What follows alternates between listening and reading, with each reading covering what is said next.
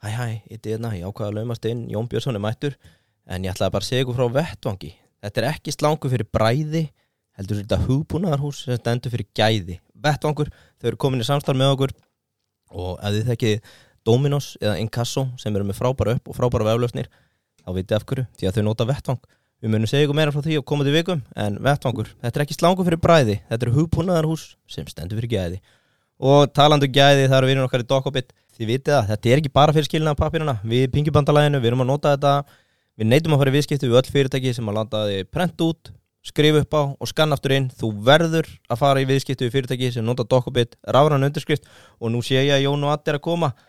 Já, Dokobit, vettvangur, góða hlustun.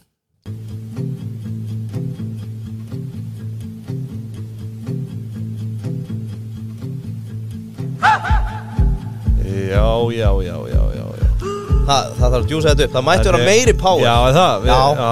ok, við mun, munum það allan að næst uh, Kæra hlustendur, verið velkomin að tækjónum Það er Pingjar sem heilsar og uh, í dag erum við svo sannlega ekki einir Hann er komin til okkar títtnemdur, Jón Björnsson, forstjóri Origo, hjartalega velkomin Við gotum að take a bow Te- Jón við- fucking Björnsson Já, sko. við, þú hefur nú regla á borða og góma hjá okkur eh, hérna, þetta rúma ár sem við höfum verið í loftinu þannig að svona leikur beinast við að spyrja hvort að þú hafur einhvern tíma hlustað á okkur. Já, já, já, hlusta á ykkur bara í hverju viku sko. Já, ok, það, það, geggjað. það er svoliðis Já, Já, það er mjög gaman að heyra. Ertu förstudagskaffi maður eða er það ásveikningarnir? afsveikandi uppálega Svo Já. hlusta ég nú á stundum förstagana Ég tek, viðkynna reyndar, ég tek ykkur stundum að hraðanum 1,2 Já, já, það Já, er allt í lagi ma, Menn hafa alveg farið farið 1,5 sko Allar leiði það.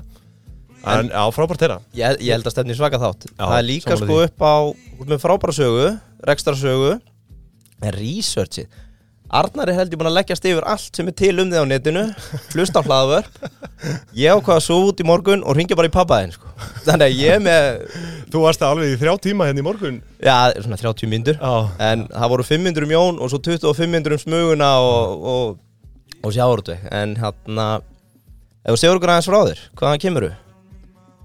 uh, Ég er bara strákur á nesinu sem að hérna já. Seltetningur Já, sellitningu sem að endaði í Vestlunarskólanum og, og hérna Svo af einhverjum svona tilvílanir ráði því Hvað maður er í dag sko Já, Nesinu er, Já, er, skemmtilegt og við förum sömu leið bara beint að nesinu svo í Vestló Voruð þið í sama skóla þá? Ha, Já, það er ekki annað hægt að sko vænt, vænt, Væntalegi Mýrar og, og, og Valursaskóla Mýrarskóli og Vararskóli Já. Já, já, ég þekki þetta ekkit Ég hef bara komið í sund þarna Já, Læt ekki sjá með nei. Og ertu búsættið þar í dag? eða? Nei, nei, ég er bara hérna aðeins neðar í göttunni bara Já, í Kóbói? Nei, í Garðabænum Garðabænum? Já, já Og hvað, ertu að taka eitt lavatsa á leiðinni vinna? Það, þú ert allan með lavatsa hérna. Lavatsa er með okkur. Lavatsaði með okkur hérna. Uh, Við erum allir með rjúkandi heitan bolla. Já, Já, já við allavega. Við. Jón drekkur ekki kaffi eftir tólf Svo það komið fram. Top kaffi sko. Já, Já. nákvæmlega. En við þökkum Lavatsa að kella fyrir uh, stuðningin Besta kaffi í bænum, sagði einhver. Já, En uh, sko, emitt Okkur langar dóldi bara svona að byrja aðeins á því að svona kannski að re rekja söguna, þú veist, þú ert að nesinu ferð í Vestló um, svo ferðu út þú ferð út í BS-námið ekki? Jú, Já, Og hvert? þetta er bandaríkjana já, Alltaf að vera verkfræði í háskólanum. Mhm. Og fekk skólastyrk í bandaríkjanum Þegar þú segir háskólanum, ertu að tala um HÍ? Já, Já, en ákveður að fara já, hvert? þetta var svona já, skráðum í verkfræði eða þess að hafa planið á verkfræði og svo fæ ég hennan svona bóðum að fá hennan skólastyrk. Þannig að ég ákvaða ég getur ekki tapað miklu að því að fara út í eitt ára Hvað, er það eitthvað íslensku styrkur? Eða? Já, þetta var styrkur frá hérna hjá, hjá viðskiptaræði og Vestlandskólanum Og hvað endaru? Portland? Nei, endaði bara í New Jersey Jersey uh, Lawrenceville, New Jersey og, og átti þar bara, já, kekkju þrjú árs mm og hérna veist, á þeim tíma var svona veist, þetta er svona markasmál og auðlýsingar uh, voru kannski svona heitast að fæði þá þannig að ég, ég endaði að fara í það og, og bara almennt mannsmynd Já, Mhm. og þetta stórir árgangar? Private school eða liberal Já, arts? já, já, svona 700 manna árgangar. Já, wow og svona sterkur, sæmilega sterkur business skóli, Já. skemmtilegur. Og þarna var hann bara, veist, ég, ég er náttúrulega svo gamall sko, þetta er bara, veist, það er ekki konar fartölur þarna. Bara bláð penni? Já, eiginlega bara svona blaða penni og, og hérna, veist, maður var nýbúin að læra á sko forvera Excel mm sem heit Multiplan Já, já. Heyrðu, við vorum með mitt með þetta um daginn Já. Já. Þannig að þú manst eftir, hvað hétt þetta aftur? Flexible Views sem að kom með Next, hétt það ekki það? Svo var það Pivot eða Excel Jú, þetta er eiginlega bara, jú, þetta er eiginlega bara þannig að ég er orðin langskólingin sko, þegar þetta gerir sko. Ok, Þannig að ég man að ég, ég eignaði sko fyrstu fartöluna mína þannig á síðast ári sem var svona eins og uh, já, svona ekki verið svona meter á breytt já, Mhm. Hugsa sér. Og, og hérna með alveg heil fullsæðis liklaborði sko og, og svona 12 tómu skjá þannig að þetta er hérna, en, en veist maður þurfti alveg að, að hérna, þannig að maður þetta hafa svolítið fyrir kynningunum. Já, ég skal trúa því. Að hérna, Voruð með hérna, ah, hvað heitir það? að myndvarpi. Myndvarpi, þetta er bara stóli úr Já, hérna Gömlu glærurnar Já, hérna. glærurnar og eitthvað, þetta er bara þegar við erum í öruglega, Nei, við erum alltaf fættir þegar þú ert í Já, þannig að Þessu. þetta hérna, var bara frábær skóli og frábært að vera og bjóð þarna bara á campus í þrjú ár og, og á bara frábæra vini þarna ennþá sem að sem að ég er ennþá í sambandi við og Já, hann kemur heim á sumrin að vinna eða varstu internship einhver starf núti? ég kom heim á sömurinn að vinna. Já, og hérna, alltaf í sömu vininni og hvað það? að ég var að selja verkværi fyrir hérna frenda minn sem var að heldvöslun Já, ok, Mm. fekk bara mjög gott svona góða skólun þar vinna með eldra fólki. Og svona maður fekk ekkert að gera hlutina fyrir en maður var búin að ávinna sér virðingu þeirra að maður, maður verið færum að gera þá. Mhm, Einmitt. og, og hérna þannig að er bara bara mjög gott. Mhm. og enda líka ekki svo sem að við að vinna veist, ég meina, fyrsta, fyrsta vinnan er 10 ára. Mhm. Og Er það ekki blaðabyrri? það er blaðbyrri Já, það er blaðbyrra starfið það er hérna kennir manni fullt að góðum hlutum að það hérna, deliver á réttin tíma og Það er ægin já og svo þarf maður að fara að rukka áskriftir Já, og gangi í hús og byggja um peninga og býtu varst að rukka líka? já, já, mánuð, mætti maður alltaf eftir mánuðin og dinglaði og er rukka fyrir mókan Það kemur ímis að grasa já. í blaðabörðunum sko. Já, Og hvernig var með vannskil og svona? Varst að ganga það var ekkert mótust á hann sko, það var bara Já, það- inkasso?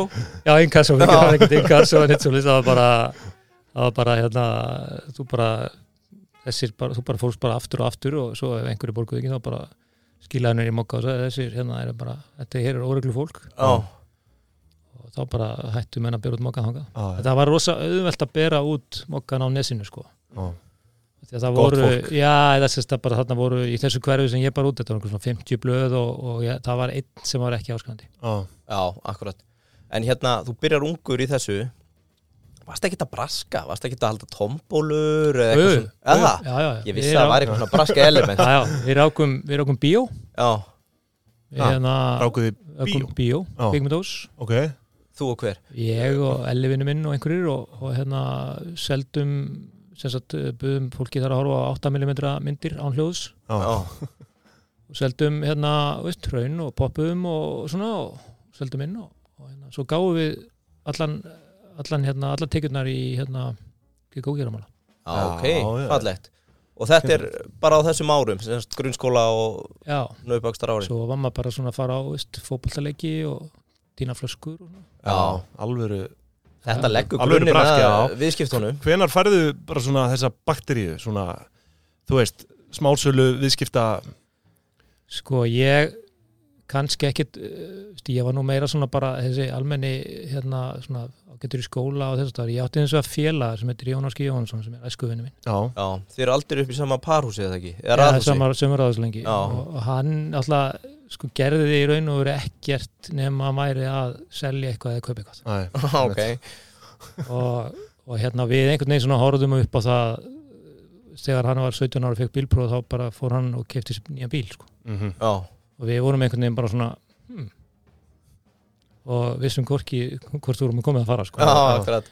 En, að við svona, en, en svona þetta var samt svolítið í eðli bara krakkana þarna allra, það var, voru allir einhvern veginn í Já, Ég hef heyrt bara hann- hann tala um þetta að þetta hafi verið voða svona mótuverandi hópur þarna. Já, það voru allir einhvern veginn alltaf að Svona- gera eitthvað í, í, í að, veist, áttu þessu á því að hlutinni myndi ekki gerast nema að þú bara hreyfið þeim sjálfur Já. einmitt. kemur ekki upp í hendurnar á þér, þú ert að vinna fyrir þessu Það er gott hús Svo gáðu þið þetta bara allt Já. Já, en hérna þegar þú útskrifast Já. Fyrsta vinnan hérna heima, hvað gerist? Herri, ég fyrir í Nóa Sirius Já, uh, markastjóri þar og sóttur bara um eins og hver annar eða Já, ég var þetta var nú svona bara uh, svona eins og annað sko að í jólafríðinu fyrir síðustu önnina þá bara fór maður og, og hitti, fann bara út hver er, hver er svona besti hérna í ráðningum á stjórnundaleveli á Íslandi og, og hérna ég var líka alveg til að vinna úti svona fór alveg gegnum alla viðtalsprósessin þar. Já, og svo kom þetta einhvern veginn svona á á vorunni að þessi, þetta tækifæri og, og, og Finnur Geirsson var svo hugaður að ráða hennan hérna, 23 ára uh, krakka Mhm. í þetta starf sko, ég er honum sko æfinlega þakklátur er þetta ekki nokkuð uník? Man sér ekki marga, Nei, svona unga var- markastjóri í dag? Eða var þetta kannski bara Já, ég, svolítið tíðarandin, ég menna líka, veist, við vorum, ég hef oft hugsað til þess að stjórnandi teimillum í Hagkaup sem er nú eitt skemmtilegasta starf sem ég hef haft á æfinni og veist, við vorum bara öllum þrítugt sko, Já, þarna var þúsund manna fyrirtæki sko. Já, þetta var einmitt doldið tíðarandin á þessum árum þarna rétt fyrir, hver, er þetta ekki Þetta er bara, 98? þetta er bara kringum, þetta er kringum 90 sko. Já, já Ég útskrifast uh, úr háskólinni á 91. En, já, ok, já, her, já nei, alveg rétt Og þú kemur heim að vinna í súklaði, selja sælgæti, ekki satt? Já, Mm. jú.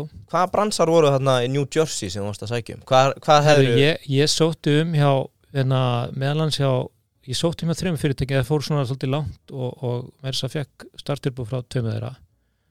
Uh, og eitt ánu gott, ég fór ekki eitt, eitt er að var Arthur Andersen Consulting, Já, sem að endaði síðan í því að vera gjaldróta í Enron nexlinu. endur skoðandi Enron stóðu sér frábælega þar. Já, og, og hérna síðan uh, já, svo voru það tvö svona consumer fyrirtæki sem að hérna, en þetta var allt svona svolítið erfitt sko, að fá atvinnuleifi og, Mhm.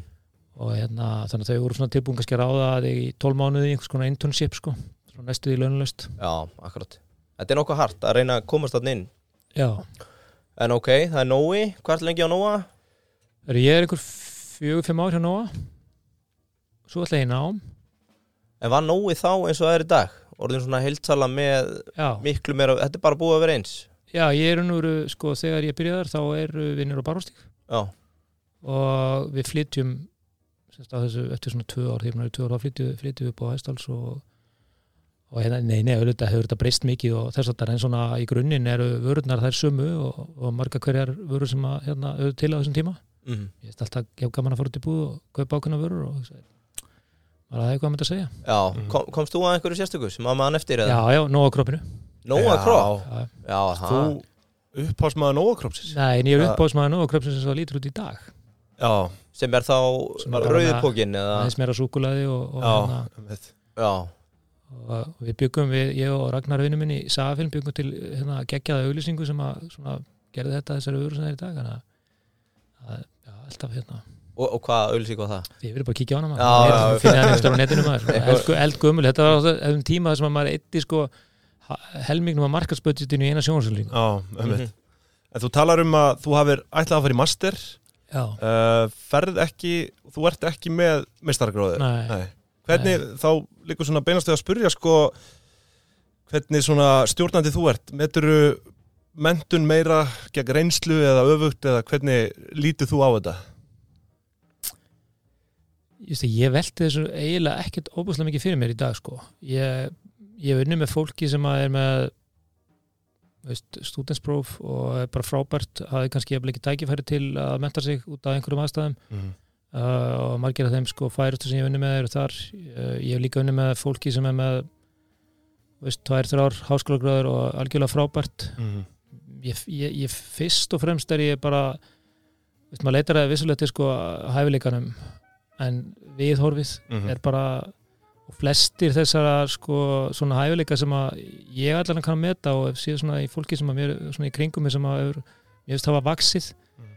uh, að þá eru nú yfirleitt þeir eiginlingar sem að hafa nótið sín ekki uh, tengjast ekkit endilega sko Hvað lærið þér í háskóla? einhverju svona akademískri getu Nei. sko Mm Meira En- svona einhver soft skills eða Já, bara, ég, sem að- jú, bara viðhorf uh, skiptir náttúrulega rosalega miklu veist, teamwork veist, löngunin til að ná árangri mm uh, veist, löngunin til að vinna -hmm. það er bara hérna viðhorgagt breytingum Mm -hmm. Það er held ég skiptir óbúslega miklu máli í þessu líka og en eh, ég ætla ekki að taka það það sko, veist, að, að hitta veist, að vinna með fólki sem er mjög fært á ákveðnum sviðum er dásanlegt, ég meina ég átti geggjað ári í orf líftækni mm -hmm. sem að ég vann með bara líklega svona eh, færasta fólki á þessu sviði veist, eh, bæði helendis og elendis Mm -hmm. og algjörlega frábært að sjá það virka og, og þannig náttúrulega líka veist, maður missir oft kjálkan þegar maður hittir fólk sem að, að hérna er bara að gera hluti sem að maður einhvern veginn fattar ekki að, að svona að, mann, að, að svona bara að manneskjur geti gert sko. Þannig að, að hérna var, var það hérna ráðgjafstarf fyrir orð eða varst nei, ég var bara, ég fór hann inn í, í, í tíu mánuði, ég var endur að vinna í festisverkefnu samlega. Já, ok, að hérna þannig að það er svona mjög fljótlega eftir. Ég byrjaði þar svona í, í, hérna, já, þannig að og það var svona hlið, fyrsta hlið, hliðarskrif mitt úr smásölu. Mm. já. Og, og ég hefði nú líklega haldið þar áfram ef að festisverkefni hefði ekki svona skotu upp kollinum sko og það var bara einhvern veginn of það var of fristandi fyrir mig að fara í það því ég var með sko hugmyndina í haustnum ég var búin að móta hana og ég vissi alveg hvernig þetta ætti að vera. Og svo hugmynd er svo hugmyndi bara krónan eins og er í dag sko. og, og hérna, jú, jú, það komið hana ákveðin hérna.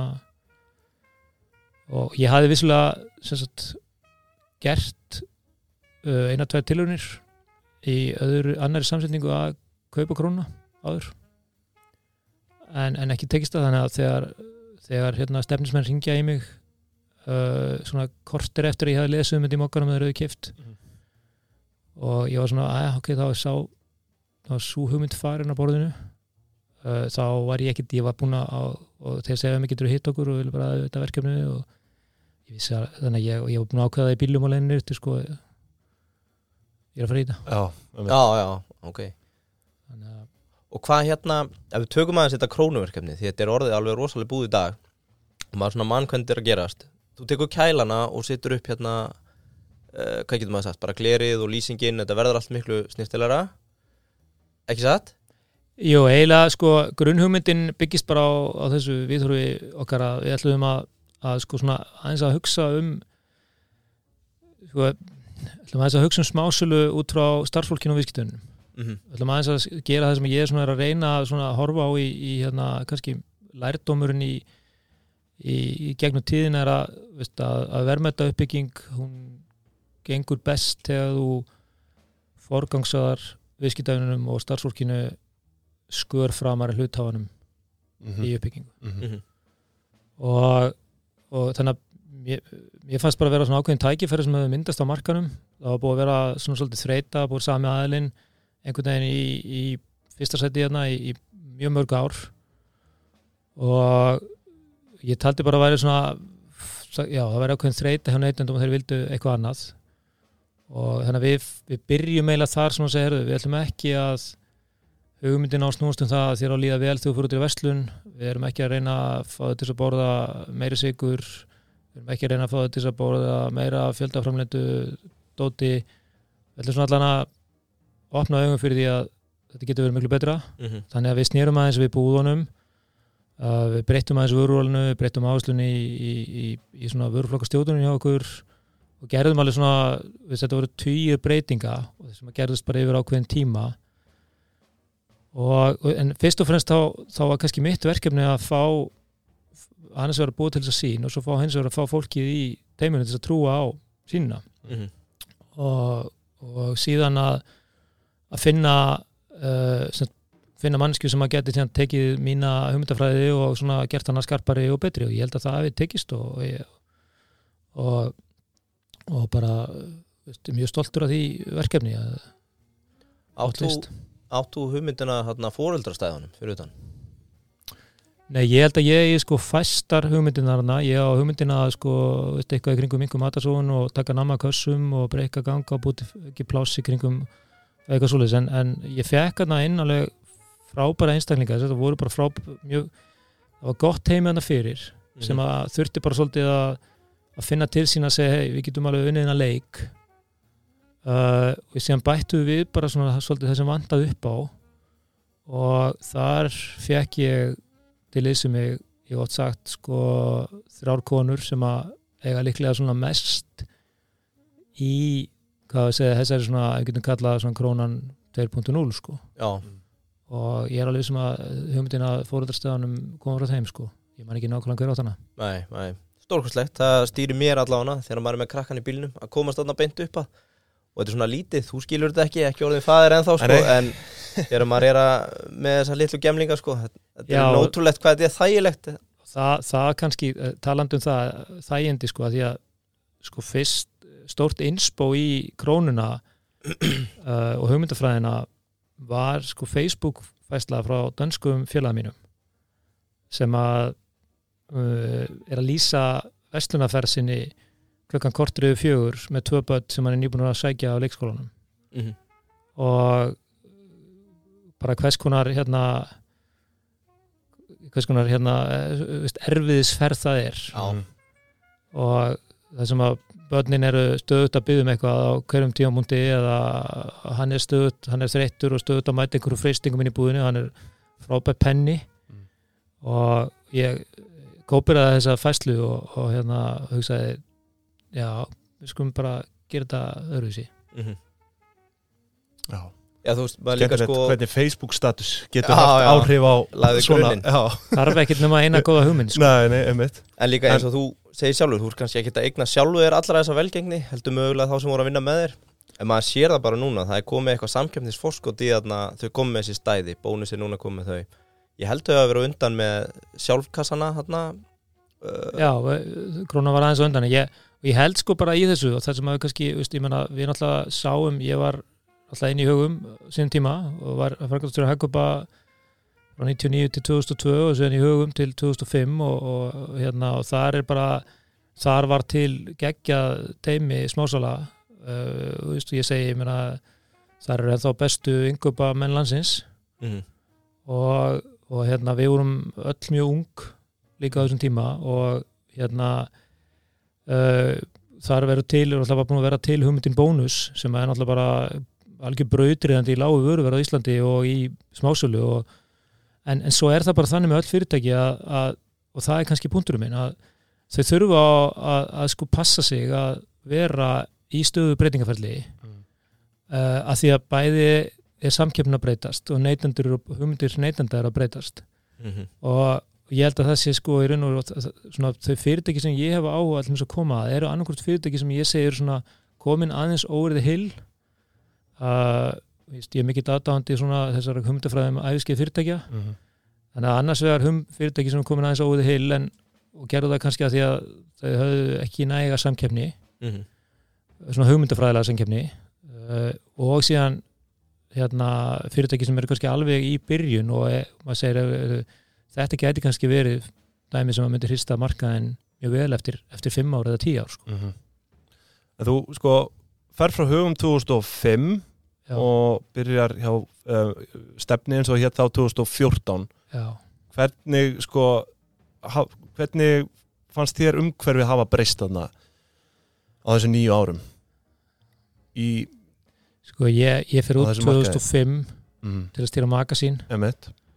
Og þá fannst mér nú svona já, mér fannst nú svona umhverfið orðið dálítið svona Sér það ekki eftir að mista partíinu hérna? nei, bara nei Uh, ok, Nei, ekki. sorry, ég ætla ekki að grípa inn það í er kannski hefur augljósa Já. sko, en, en, en svona en eh, en sem sagt eh, og nei, nei, mér, mér fannst mjög gott að koma heim 2013 aftur og mér fannst vera mikið að möguleikum og svoleiðis en eða var búið að vera lítið fjárfest mm, og, og kannski í litlum fjárfestingum þá, þá hérna þá svona og kannski aðeinar hrætti við nýjar hugmyndir þannig að, að ég held að það hefur kannski verið verið svona uh, grunnurinn að því að það, þetta var hægt á þessum tíma. Mm, uh, en, en ég held að svona uh, svona hugsanlega séð hafi veist, ég menna þess, þetta svona, hvað kalla þetta entrepreneur gen sem að er í Íslendingum mm, hafa alveg verið á sama stað sko. Mhm. uh, og ég meina ég held að við þjóðfélagi bara sem betur fer aðeins öðruvísi. Mm, Og ef við spólum það aftur tilbaka, við erum svona að hlaupa fram og tilbaka í, í sögunni. Þegar þú ferð út, hvernig, segðu okkur aðeins, hvernig það aðtökast Magasín du Nord? Já, það aðtökast nú þannig bara að, hérna, sagt, uh, það er Íslands fyrirtæki sem að kaupi magasín 2004 uh, og ég er þetta bóðið starfið í byrjun. Fór út og skoða allar spúðir desember 2014 og, og hérna 2014, 2004 2004, Já, já, 2004 og, og hérna leist ekkert á þetta. Nei. og segi bara nei takk, ég sé ekki alveg tilbúin uh, Þetta, þetta voru ekki heldur vinsæl kaup eða? Þannig 2004 Nei, það þótti ekki flott að Íslendingar væri að kaupa þessa svona þessa eina svona, hvað kallaða svona krúndjást Já. dana í verslun. Já, svo einhvern veginn svona fer mér að snúast hugur svona í áspilum 2005 að þetta getur nú kannski verið spennandi sko. það getur nú kannski verið möguleikarna og, og ég sem sagt uh, fer að horfa aðeins meira á þetta og, og, og kemst svo tilbaka og segir ég er eiginlega klár í þetta, mér langar á og þetta er alltaf, að þarf að taka þarna gott samtali við fjölskylduna og þess að þar og þetta er meira en að bara stökkva upp í flugvel og, og, þannig að ég fæ að við sem sagt flytjum út fjölskyldan, konan og þrjú börn og að því að ég, svona þegar ég byrja í verkefni þá, þá er ég svolítið all in svona kannski fyrstu, Mhm. fyrstu 100 til 300 dagana já, bara sett markmið og milestones hvað þarf að gera Nei, bara, veist, ég um, ég veist gott að skilja fyrirtækið og businessin og fólkið og, og hvað drifur það og þess að þar og, Mhm. Og svo var maður nú með svona kannski alveg í svona þrjá mánuði svona eitthvað svona nettan imposter syndrom hann úti Mhm. uh, það sem að maður svona hugsaði með sér er, er maður að fara að geta þetta sko Mhm. uh, fjölmiðla voru líka mjög skemmtilegir svona uh, við Íslendinga Dö- Dönsku þá Já, já, en Já. allt saman bara sangjart og ekkert, þú veist, ég get alveg skilið það ég er ekkert sem að Íslendinga myndu taka ýmsum öðrum þjóðum öðruvísi og, og en, en hins vegar bara hitti ég rosalega gott heimi og, og hérna ég held og ég oft sagt það sko að, veist, bara veist, að, að, að það er eitthvað uh, já, þegar þú þegar þú lend, eða sérst, komin í, í svona teimi þar sem að, að það er tröst á milli aðeila jafnvel þú sért ekki með endilega allar stórstjóðunar í liðinu Mhm. að það er bara bestu teimin sko. Mhm. og ég held að svona teimitt í magasín svona, veist, það er svona teimi sem ég er einna stolt eftir af, af þeim teimi sem ég hef unnið í sko. Var einhver Íslendinga þar eða bara Danir? Nei, bara þannig, eitt sví.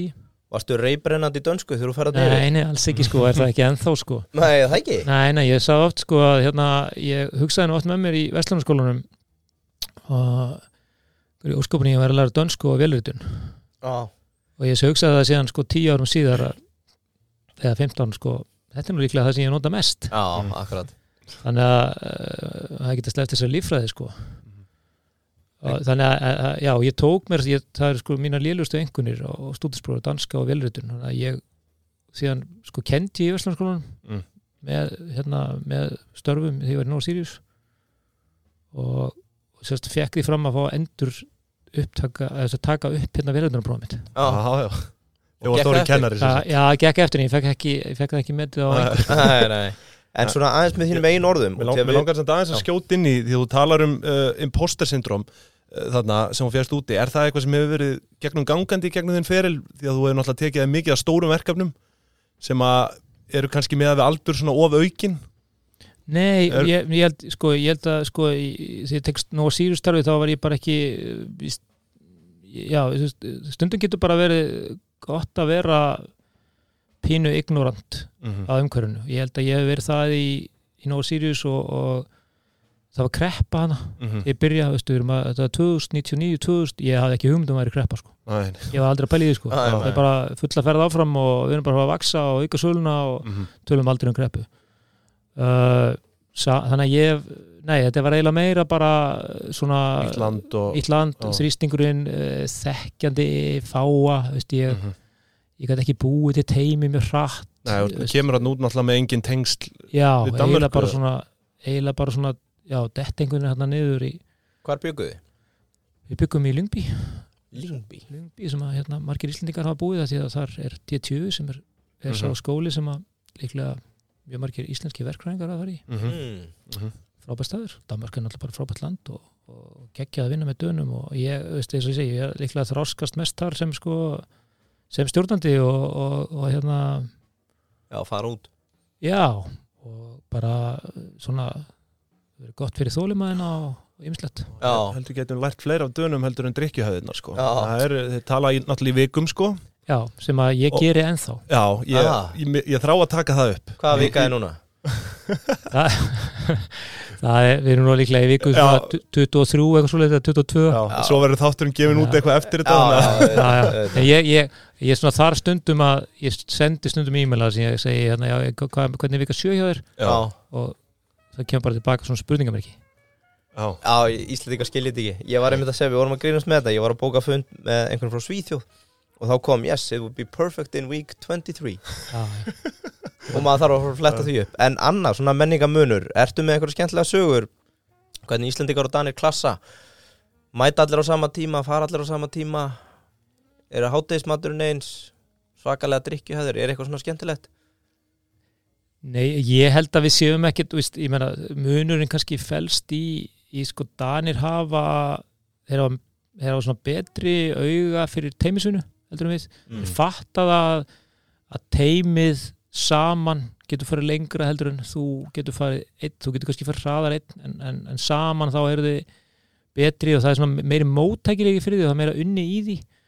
Uh, það, það er meiri virðing fyrir tíma mhm, Veist, ég hugsaði oft sem að reyndar mjög gott sko, ég meina ég held að síminn hafi ringt hjá mig tvisar og lögði þessi átta ári sem ég bjóði í Danmarku og annars, annars skiptið það kveiknaði einn í búðinni og, hitt skiptið var einhver svona einhver, einhver ræjot eða einhver uppákoma í búð. Mhm. og bara en það leiti bara var sátt tími fyrir fjölskylduna. Já. og, og, og þannig líka sko Danir einhvern veginn eru bara ekki tilbúin að selja tíman með fjölskyldunni fyrir neitt. Það hefur ekki, það, það er virðið þess er Bara priceless. Já, hann er ekki Já. mældur í eitthvað, "Heyrðu, ég skal borgaði meira eitthvað, þetta- þetta er bara non-negotiable.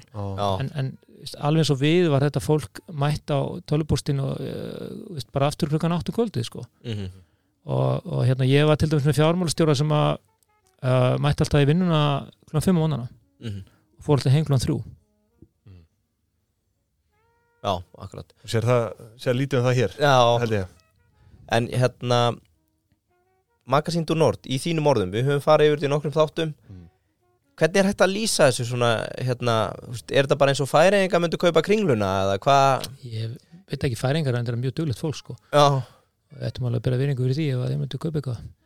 Hérna, nei ég veit ekki það, kannski bara höfðu þeir ekki trú á þess að þetta var líka svolítið kemur svolítið í svona í kjölfarið Íslandika voru alltaf búin að kaupa ímislegt annað og, og þeir keiftu líka eitt stykki flugfélag á sama tíma og einhverja ramaskeðju og, og veist, það, já, þetta var svona þau voru búin að kaupa svolítið af fasteignum og eitthvað fasteignafélag og svona já svona að byggjast upp einhvern veginn. Já, einhvern veginn svona byrju, hörðu, þetta er eitthvað skrítið, okkur gerist þetta allt í einu og, og veistu, þetta er bara sama, maður þarf svona alltaf í öllu að ávinna sér pínu tröst og það kemur ekki með peningum sko. Mhm.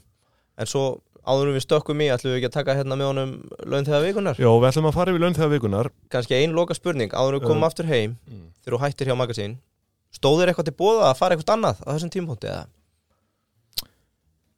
Já, já, já, já, ég, já, já, ég var næstu í farin til Þýskalands Já, og ég var næstu í farin í annar starfina heima en ég var mjög ákveðin í því að hérna, taka mig smá pásu. Ég, ég hafði uh, svona miklar svona löngun í það að fara í starf þar sem að ég geti unnið sko með mín tengsl sem ég hef í Skandinavíu kannski viðar fleiri stöðum. Og ég geti fara að vinna í, í svona einhver skemmtilegu íslensku vörumerki sem að væri með ve mesta ve svona verðmændasköpunni sinni á Íslandi. Mhm. og það er kannski ástæðan fyrir því ég fer upp í orf Já, og svo bara finn ég, svo kemur bara þetta festismál einhvern veginn svona, veist á hlið og, og ég kannski svona uh, já, svona veist, líftækni kannski öðruvís heldur en ég held Mhm. og, og, en, en, en mest bara geta festisverkefnin kemur en, en ég hefði bara opaslega náhaði að vinna að ég að búa til verðmættsköpum fyrir Íslands verðmærki það, það var draumurinn, þannig að svona, ég var kannski að því að eh, svolítið störfi mín þar á undan einhvern veginn gerast bara einhvern veginn Mhm. var þetta einhver uh, stór fyrirtæki Hva, Hvað er að- Þýskalandi? voru það úti?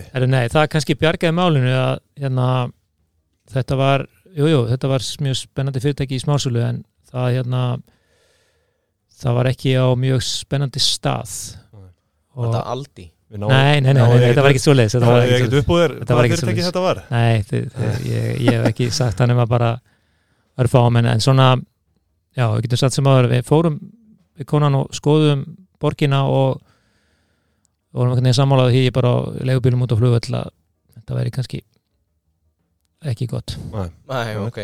En hérna heima, hvaða starfa það? það verður helt ekki, það verður aldrei gefið upp. Var það í smásölu eða? nei, ég, ég maður þetta, nei, nei, það var ekki spárslu Nei, ok, ok. En herðu, við erum hérna með uh, lið hjá okkur sem heitir Launþegi vikunar og það sem fólk getur uh, fyllt út formin á Facebook-hópnum okkar Dibit og Pingjan og tilnæmt Launþegi vikunar uh, Þetta er í samstarfi við Júsú Burgera og við fengum hérna skemmtilega tilnæmningu uh, sem sagt, uh, og það er starfsmæður Origo, Pálmi Hamilton Lord Já. og hann fekk, kannastu við kauða? Já, já, já, ekki prófa. Hann fekk hérna umsóng sem hljóðar svo Pálmi Lord sinnir sínum viðskiptaunum eins og það séu börnin hans alltaf til staðar og gerir allt sem í hans valdi stendur til þess að aðstofa með hvað sem er. Hann er skilnisríkur, gagvart viðskiptaunum og sinnir starfi sínu mjög vel. Uh, meðal svartími á tölvupóstum Pálma uh, til Pálma er líklega undir þrjármyndur og hann á sérstakt róskili fyrir það. Takk Pálmi! Þannig að uh, við óskum uh, Pálma Laun þegar vikunar frá uh, uh, til hann ekki með nafnbótina. algjörlega Jó, klapp hérna. Og hann á inni sem sagt, uh, máltíð fyrir tvo á Júsú borgara sem að við mælum hjartalega með og þökkum þeim kella fyrir uh, samstarfið. Nú uh, já, bara hann getur hatt samband við okkur bara á Facebook eða pingjanatpingjan.is þú tengir okkur kannski Já, hann er í vandræðum. Heyrðu, sko, núna erum við komin aftur heim. Já, Búnir aðeins að spólu krónu árin Við langar aðeins í staðin fyrir að fókusera á ferilinn hjá þér. Spyrja út í þessar fjárfestingar. Já, Brauð og kó, Nespresso uh, Þú situr í stjórnbúst eða sast Á- það situr hérna Situr Já, en þá, áttu hluti þar eða já, já, það kemur bara fram í ársegnum Já, uh, svo er það Drop, ekki satt? já, Drop, John the Juice Joe the Juice, já, Já. hverju erum við að gleyma? Bröð Kóbúst, John, já, er þetta ekki þessi fjórir? jú, ég held að Mér Já. mér langar kannski bara að samt að spyrja fyrst sko, hvernig gengur að halda þessu þú veist, þú ert með nokkra bolt á lofti náttúrulega í stjórn í þessum fjórum fyrirtækjum og ert á Origo, þú veist gengur þetta allt upp? Já, já, þetta gengur allt saman upp ég, ég hérna já, já, ég, ég hef alveg ég hef vanur því bara eh, kannski alveg frá störfum mínum fyrir að haga á sín tíma að, að svona vera með doldi marga bolta í gangi í einu Mm -hmm. Mhm. og til með vera ágættan í það svona hafa kannski yfir sín, ég sé hann á það kannski til að, að svona dempa mér ofan í smáadriði í smá stuttan tíma í einhverju því ég þarf að skilja hlutina Mhm. og svo er nú þannig að þetta er nú, svo er nú þetta svona kannski, ég er nú kannski ekki leiðandi inn í þessum fjölugunum að veist hann einu leiti Mhm. þannig að það er bara gott fólk hana og einhverja góður hugmyndir og, og hérna svona einhverjir, já, þetta sé gaman Ég var einmitt með þessa spurningu sko Hvernig gerist þetta? Ertu bara með stöðugt dílfló eða ertu að sækja þetta? Þú veist, eins og við ég er náttúrulega sko, er sko minnsti fjárfestir sem að til er sko. Ég, Já. ég myndi ekki þannig að, Nei, nei, þetta eru bara eins og allt annað, þetta eru röð tilvílina sem að hérna, gera það að verkum. Eðlilega fær maður oft hugmyndir að að þetta geti verið sniðut og þá getur maður svo spurningin í hvert getur þess að hérna, þannig að þannig hafa nú þessar hugmyndir orðið til, ég með John the Deuce er sagt, í, við erum ágætsvinir ég og Kasper Bassi sem er stofnandi John the Deuce og ég, við opnum saman stað nummer 2 til 8 Mhm. hjá Joe inn í magasín Já, alveg rétt, inn í magasin Þannig að það er nú sagan þar og, og hérna þannig tengist þetta nú hérna heim og við og semast byggja bílt sem var býrut í Danmörku og, og var hluthafi í magasín og við komum með Jóhann Djús hérna heim hann fer svo inn í inn í Bröðukó og dregum við svo þangað Nespresso var eitthvað sem að ég kynntist út í, Danmörku eða, og langaði að koma með til Íslands og Mhm.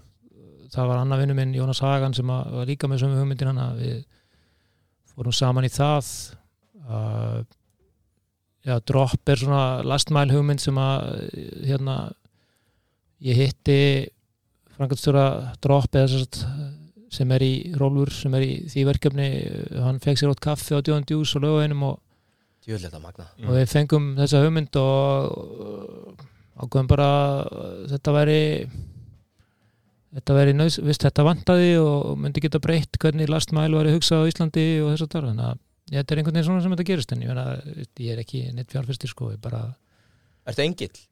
nei, ég, það, ég, ég er ekki engin, ekki nema því leitinu til að ég, ég er aldrei með neitt exit plan sko Nei, Nei. ok bara að hugsa veist, sumar þessar hugmyndir svo bröð og kó er bara þar er maður bara að vinna með dásanlegu fólki sem að hefur bara gríðalega mikla passion fyrir hérna, því sem það er að gera og, og ef maður getur hérna, komið inn í það fengið að vera með þeirri ferð á þess að bera einhvern fjárháslega skada sérstaklega því þá er það geggjað sko Mhm. Þannig ég hrýfst nú oftast af sko, svona tvennskonar hugmyndum sko, Vist, ég segi ofta sum fyrirtæki eru bara svona vélar og það getur alveg verið gaman og þá eiga nú allar þessar hérna, það, allar þessar hérna, tölur sem að þið þyljið upp í þriðutarstáttunum okkar eiga við Aha. sko Já. Svo er, Velkomin Þú er nýr gestastjórnar og hérna og svo er nú bara fullt af öðrum tölum sem að skipta máli sko Mhm. hérna sem að er kannski ekki endilega mældar í áskreitning sko. Og það er líka, það er líka hluti af ástæðan fyrir að mér finnst orgu spennandi fyrirtæki. Þannig erum við bara skapa mikla þekkingu. Við erum að gera það með ágætis ákomu en við erum líka með frábæran uh, semst, frábæra ánað hjá starfsfólki Mhm.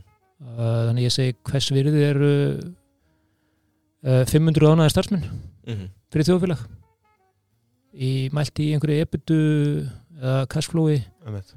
þó að sko veist, ég hins vegar segi heyrðu, þetta, þetta útilokar ekkit hvort annað og, og veist, ég elska veist, gott cashflow er bara frábært sko Mhm.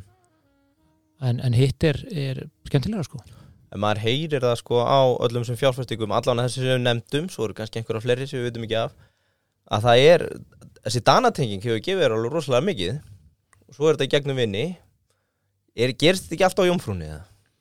Lokið ekki öllum nei. tímum á jómfrúni eða? Nei, þetta gerist ekki og, að, og þar hérna, nei nei, það gerist ekki á jómfrúni og, Ó. og hérna En þú að- hefur farið? Já, ég Já, farið já, enda, já. enda Jakob vinnu minn er mikill meistari og, Já. hérna og, og alltaf gaman að- að- að- alltaf gaman að koma þangað ég hérna, hins vegar alltaf latur við það Mm. Þannig að þú hefur aldrei lokað díl á Jónfrúnni eða? Nei, ég hef aldrei velt þessu fyrir mér þetta væri dílar sko. Nei, nei, nei. En viðskiptafundur, hann hefur verið tekinn þarna Það hlýtur að vera já, ég, já, mest samt bara fá Já. sér gott smörri og, og, og eitt túborg sko, Algjörlega, Mhm. við erum samlað því og verið ekki að blanda á mikið einhverjum, einhverjum viðskiptum í það sko. Nei. Hvað hérna, hvað smörri ferð þú í?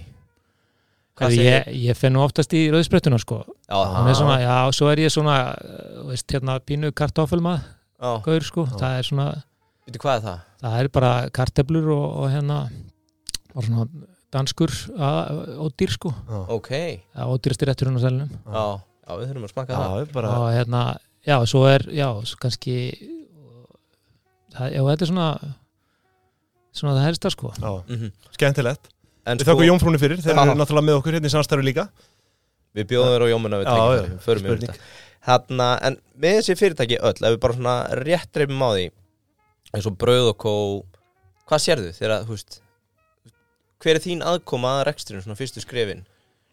bara að svo- ég, ég veist það sem ég sé náttúrulega bara rosa mikið passion sko og þegar ég kem að því og þá er hann að hérna, Gústi? Gústi sem er náttúrulega bara einhver skemmtilegasti já, það, það er erfitt að finna það mikið skemmtilega en Já. og, og mikið passion og miklar hugmyndir og þess að þar og Siggi sem er líka frækastjóri er algjörlega frábær einstaklingur. Og, og síðan bara bakarnir eins og Jón Anton sem að er bara veist, hérna, hefur mikla setur mikla sál í þetta. Mm og eitthvað svona gera hlutina öðruvísi og vera svolítið konsistent í því að segja við ætlum bara að nota bestar háöfni, við ætlum að vinna þetta í höndunum. Og þá kemur þessi vara út og, og hérna, og síðan bara veist, erum við að kannski segja ok, er þetta viðskiptahugmynd getur hún verið sjálfbær, getur hún uh, alið af sér aðrar hugmyndir -hmm. Þa- það er eiginlega kannski það sem að við og þess leifum við okkur að svolítið svona að prófa ákveðna hluti þarna og, og en fyrst og fremst gengur þetta út af það að hérna, gera góð hluti sko Mhm. eins og öll fyrirtæki að vera hugsa um sko. Já, þannig að þú ert ekki að koma inn hérna við þurfum að opna tíu staði þarna það þarf að skera niður í kveitinu þú er ekki svona aktífa Jú, jú, ég hef alveg aktífa sko, ég, ég kannski meira uh, í svona, sko, bröðkófa svona átti bara að vera eitt bakari. Mm. og svo hérna er það nú ég sem að held ég plataði í bakari nummer þrjú. Og, og, og það sem að gerist kannski svona í svona fyrirtækjum að þau, þau ganga mjög vel með eitt fyrirtæki af því þá er eiginlega allt bara sem þú gerir eiginlega bara í haustum á þér. Mhm. og tvö og þrjú getur alveg gengið. Svo myndast þetta svona gat Mhm.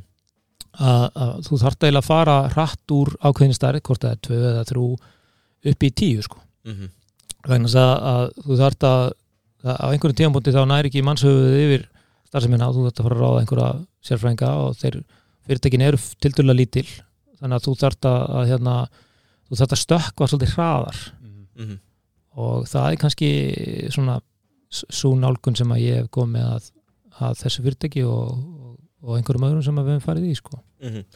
og þegar þið eru eða bara núna eins og þessi fyrirtæki sem við nefnt hvaða metrics eru, ertu að horfa á tekjuvöxt alltaf eða Nei, nei, nei, nei, ég er ekki að horfa á tekjuvöxt, bara að hérna uh, við sem að, að, að svona, við sem að reka einingar þar sem að, að við náum ákveðni veldu, Mhm. ákveðni stærð þannig að uh, svona kannski bæði að einingin geti staðið undir sér fjáraslega en hún geti líka staðið undir sér svona starfsmannalega séð að við sem ekki með einingar sem er einu starfsmanni, það er leiðilegt bara að vera einn í vinninni Já, akkurat þannig að ef það geta verið tveir að þrýr þá er skemmtilega í vinnunni Mhm. þá er skemmtilega að koma og það myndast meira samkeppni og meira gleði og Mhm. þannig að já, það er svona kannski parametrar sem að líka skipta máli mjög góðu punktur sko sem að kannski endilega ekki allir atvinnureikundur hugsa út í sko með þetta með að þú veist að hafa tvo á vakt eða hvað Já, sem það já, er sko bara upp á móral og annað sko. Já, það getið hugsað ykkur að þið væri bara hérna alltaf einir í podcastinu. Það væri, væri leðilega Já, ég sammála því sko. Algjörlega, en hvað, sko, mér langar aðeins að spyrja uh, ég ætla nú ekki að þú ert öflugur stjórnandi, það er orðið nokkuð ljóst. Uh, hvar myndur segja svona styrkleikandi þínir liggi bara í aðkomu af öllum fyrirtækjum? Það er það yfirsýnin uh, eða ertu að krönsa tölurnar alveg niður í merg. Kannski erfitt að svara svona um sjálfan sig en Já, ég held svona- kannski mín svona, sko ég er, ég, ég er svona ég, bara eins og í öðru að, að þá svona kannski hugsa ég þetta bara svona ég spila ákveði leikkerfi. Mm -hmm. uh, ég vil að fyrirtæki sem eru decentraliseruð. Uh, ég, vil, ég legg mikið upp úr því að hvert og eitt heimi hafi eh, svona ákveðna líkilmælikvarða og bæði þá svona eins og ég kalla svona, veist, svona uh, lagging mælikvarða og líka svona lýting mælikvarða hvernig á framtíðin að vera og, og ég vil að fyrirtæki séu í stöðum breytingafasa. Ef að veist, og ég hef þess að sagt sko, ef að fyrirtæki er bara kannski komið með svona, herðu, það við erum í þessum vexti við ætlum bara, erum að stækka við ætlum að centralisera sem er alveg mjög valit svona uh, lífskeið í fyrirtækjum þá er ég kannski ekki aðeins sem ætti að vera að fara í það. Mhm.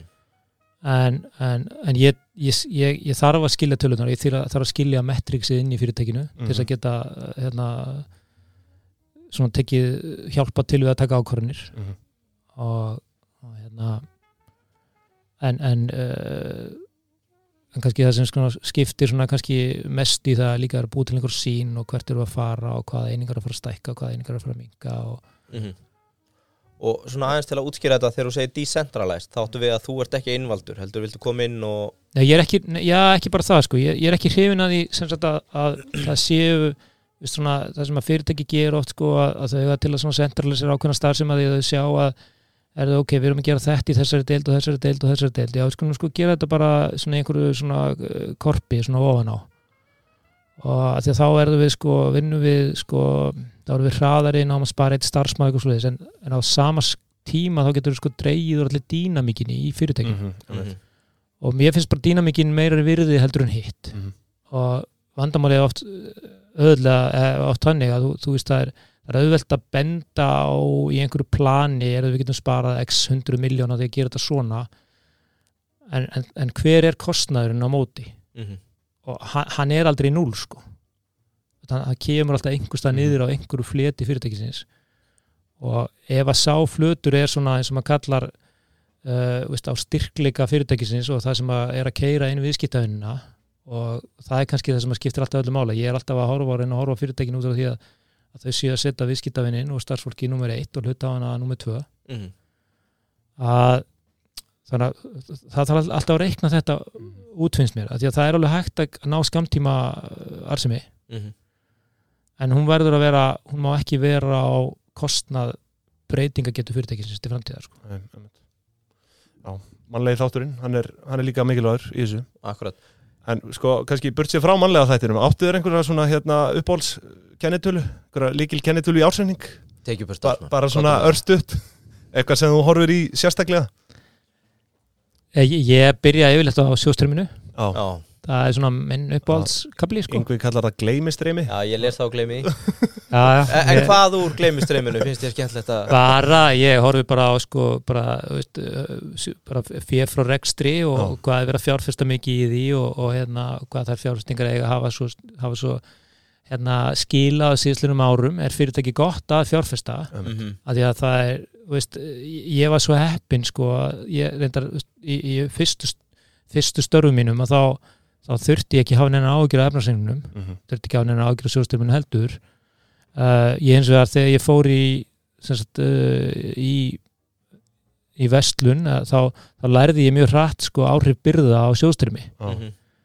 og, uh, og síðan alltaf raki ég magasín sem að var sem sagt tvíveðis mjög næri gjaldróti Mhm.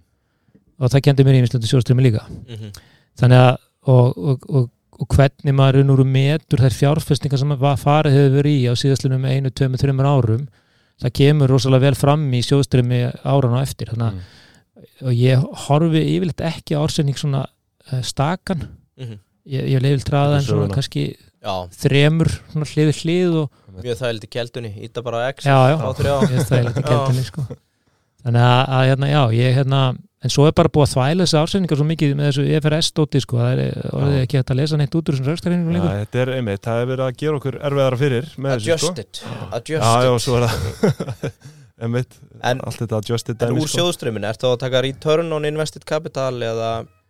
Já, ég er nú samt bara svona, veist, maður er bara svona svolítið snöggur að mynda sér einhverja mynda á, á, hvernig félagið er, en ég meina ef, ef, ef, ef þú ert að kaupa eitthvað fyrirtæki og þú ert að fara í gegnum einhverja áranleika konun, ég meina þá bara fer maður í gegnum í nýtt byggingi í þú veist, alla liði, hvernig þeir hafa þróast og, og hérna og en, en, en, en annars svona, ég hef svona meiri áhuga á, á strategíu og brandi og fólki og, og, Mhm. og svona ge, strategískir getu fyrirtæki heldur en að hérna, Langar að spyrja einnar hérna on the spot. Þú hefur nú komið að kaupum á einhvernum fyrirtækjum. Þú ættu að vera ekki bara fjárfest sjálfur persónlegin e, Við vorum að ræða þetta um daginn Eitthvað sem hafa floppað. E, Hefur gert eitthvað mistök? Sem þú mátt segja frá hef ég? Já, ég þau eru bara svo opuslega mörg sko, ég veit ekki hvað ég vilja byrja sko. ja, hvað var í Þess vegna er það svona successful sko. Já, er, hvað var í svona top 3 og lítið baka bara, fuck hvað þetta voru slæm kaup sko. Já, nú kannski meira svona, maður hafi opnað einhverja vestlanir á einhverjum okkur stöðum og, og, hérna, og mis, misreikna sig eitthvað svo leiðis eða, hvað, eins, og, eins og hvað já, við opnum til dæmis, veist, uh, Debenamsverslun og Magasinverslun í Fields í Danmarku og hún var algjör mistök. Já, Uh, út af hverju Já, bara tölurnar sem að, að veist, ég meina það átti að koma íbúða hverju sem átti að búa uh, held ég 700.000 manns í og 5 ára setna og byggu held ég 40.000 manns á svæðinu. Já, ok. Uh, en þú veist, getur ekkit hætt einhvern veginn að reka fyrir þetta, getur ekkit halverður ekki vestlun og eitthvað svona þannig að það er alls konar hlutir sem að hafa hérna, sem hafa uh, verið erfiðir, ég menna en kannski oftast já stafsningar sem að, vittlisar stafsningar sem að mm hefur verið veðjað á og, og hérna og jú, jú, í byrjun að þá kannski á fjár, fjárfestingi í vöruhúsnæði og eitthvað svo leiðis -hmm. þannig að það er svona meira rángar fjárfestinga þannig að það- í, í þessu. Ég það er nú ekki svona ekki fyrirtækjakaup sem að ég hef komið að sem að hafa, Floppað einhvern veginn? hafa einhvern veginn sko floppað svo ég, ég þó að maður gleyma því sko. Já, Mhm. Það er nú gláð gett já, stundum er bara gott líka að gleyma. Já, Herru, sko, já, ég fyrir nú svona að slá bóðin í þetta hvað og hverju ég við lofaði erum- 40 myndum Við erum aðeins komin Já, eftir tíma. nei, nei, ég er góð við erum samt með nokkra spurningar frá hlustendum. Við erum með nokkra spurningar frá hlustendum. Erðu, sorry, uh, til að halda Getur ekki farið aðeins í Origo og svo tekið það sem final? Uh, jú, auðvitað, Er auðvitað. það eru náttúrulega spurningar frá hlustendum mikið þar sko en, en við skulum taka bara örlítið snert á því aðeins. Hættir í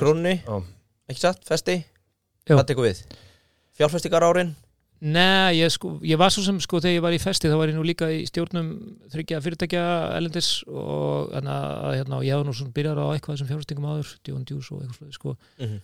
Uh, ég var líka ákveðin bara eftir, eftir þetta að taka mér frí hana sig Já, bara, veist, aðeins að uh, hvað ég vil gera næst uh, og þannig að já, þannig að 2000 og þannig ég tek svona eitt ár í frí.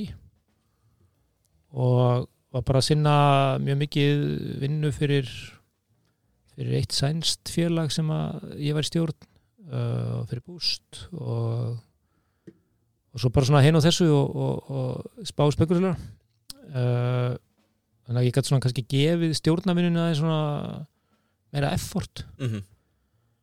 svo uh, svo er það bara þannig að þegar maður er búin að svo bara fer maður að leiðast. Já, og svo kom COVID og svo er ég einhverju, já, ég held ég að vera að koma á einhverju löngum hlaupatúr þegar símir hringdi og ég þá er ofta svona einhverju hægi sko, Mhm. þetta er góðan hlaupatúr og spurði hvort ég var ekki tilbúin að koma í spjall og einhverjum ástæðum að segja já sko. Er það Átni Jón sem ringið þá? nei, nei, nei, það, hann er náttúrulega ekki komin inn í það Nei, sko. auðvitað, þeir nei, komið nei, þetta er bara 2020 sko. Já, ágúst. Nei, þetta er í mæ 2020 sko Og ég, byrja, ég byrjaði ekki fyrir henni í ágústa því að ég vildi ekki bæði bara var ekki að klár í það? Vildi bara fá klár á sumar eðans Mm.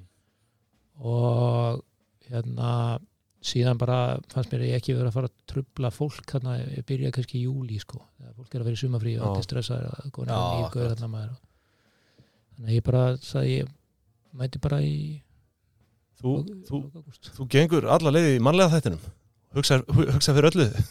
Nei, nei, sko. ég er bara búin að kynast því sko, að, að veist, það er bara svo óbóðslega geggjað að þú getur búið til uh, veist, þannig anda í fyrirtækjunum að bera verið fyrir því fólki sem þú vinnur með og Já. verður að sjá dagifærinni fyrir þau Mhm. það er bara hægt að gera markvöldunar áhrifin af því eru, eru geggjuð. Algjörlega Mhm. og ég, ég kannski læriði það í svona mest í magasín sko, það endar sko, var þetta alveg í hagkup í galanda, þá var þetta alveg líka alveg ofbúslegt, fólki þar var bara tilbúið að gera rosalega mikið fyrir fyrirtækið Mhm. og, og sama í magasín, það var bara tilbúið að vaða eld og brennistein svo við myndum á árangri. Já, og, og þegar maður einhvern veginn verður sko svona uh, vitna þessu, þá, þá bara segir maður þetta, ég er búin að finna já, þetta er málið. Þetta er málið sko. Já, Mhm. og vissulega á að veist, ég, ég vil ekki slaka á í að að veist, halda, veist, að maður sé agaðir í rekstrinum af því að það skiptir öllu máli. Mhm. en, en hitt er bara geggjað. Mhm. Ég ætlaði með þetta að spyrja, þú ert reynda búin að svara því hvernig þú fekk starfið. En þegar maður á þínu kaliberi bara tekur sér pásu Er síminn ekki alltaf að ringja eða? Jú, jú, Að hann ringir, nei, nei, hann ringir ekki alltaf, þú gleymist mjög fljótt sko. Er það? Já, bara mjög fljótt, ég er svona bara mánuður og þetta er bara glemtur sko. Já, ok, ég ætlaði með þetta að fiska hvort þú hefði síðan farið að henda út félagsgráni eða, eða ringja símt til að láta vita að þið en, en, Það er sko, félskrá Svona sko. Smá magalitt, hittu mig á jómunni og... en, en, en þú vi- vissulega veltir fyrir þér meira hvað viltu gera. Mhm. Og veist, ég, það er alveg störf sem að ég hef hefði bara stokkið á sem 35 ára Já. Mhm. sem að ég myndi bara ekki langa í dag sko. Nei, ertu með eitthvað dæmi? Nei, bara svona veist, eitthvað sem að þú bara veist, ég, ég veist þetta bara þurfa að hafa einhverja meiningu sko. Mhm. og, og hérna að því að ég kannski segi líka það er búið að taka veist, maður er búin að taka tímabilin ég hef oft sagt sko, fólk spyr svona hvað hérna, veist, átt einhverja fyrirmyndir og ég segi já, bara spurðu hvað ég var gamall og hvaða fyrirmyndi var þá sko, veist, Mm. allt frá því bara vera veist, Jack Wells Já, sem myndi aldrei vera, aldrei vera fyrirmynd mín í dag sko, Nei. en hann var það bara þegar ég var 35 ára því að það var bara tíðrandinn sko Va Varst eitthvað að taka upp 10% reglun hans?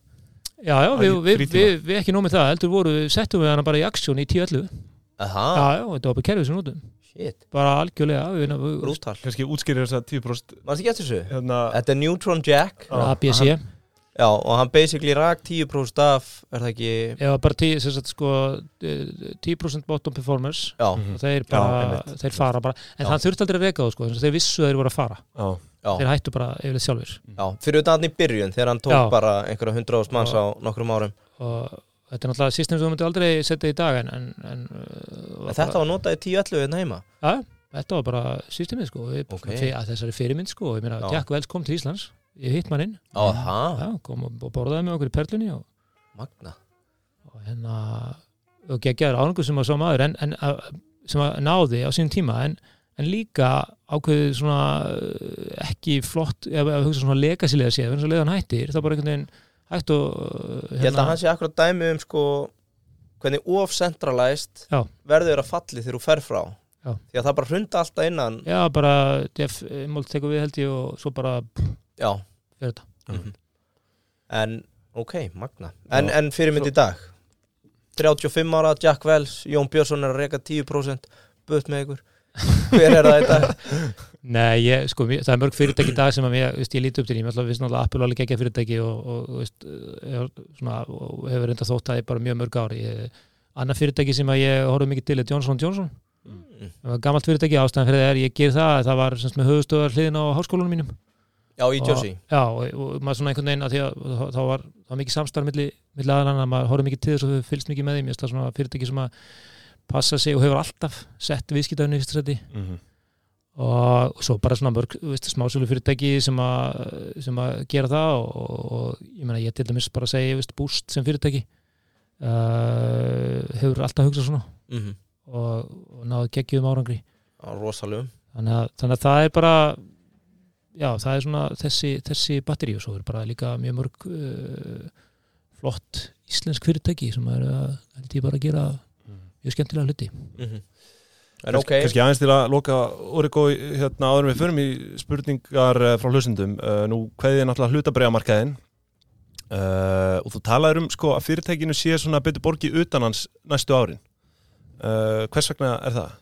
utan markaðar. Já, sem Já. utan, utan já, bara við, kannski að, semst, við, kveð, við erum að kveðja bara hennar skráða Já, skrá, já, já, Það Getum ennþá- við spólað tilbaka og talaðum bara fyrstu dagana þannig í ágúst bara temposalan og, og síðast líðan tvö ára áður en að þetta kemur. Temposalan kemur náttúrulega bara síðast ári. Já, og, og hérna uh, kemur svona kannski bara í, í, í kjölfærið á því að, að uh, Orgo ætlaði að vera í þessu ferralagi kannski 35 ár, gaf það út á sinni tíma. Og, og við sáum ákveðin tækifæri á síðast ári. Uh, félagið Erlendis var búið að vaksa mjög vel það hefur tekist mjög vel með strategíuna í COVID.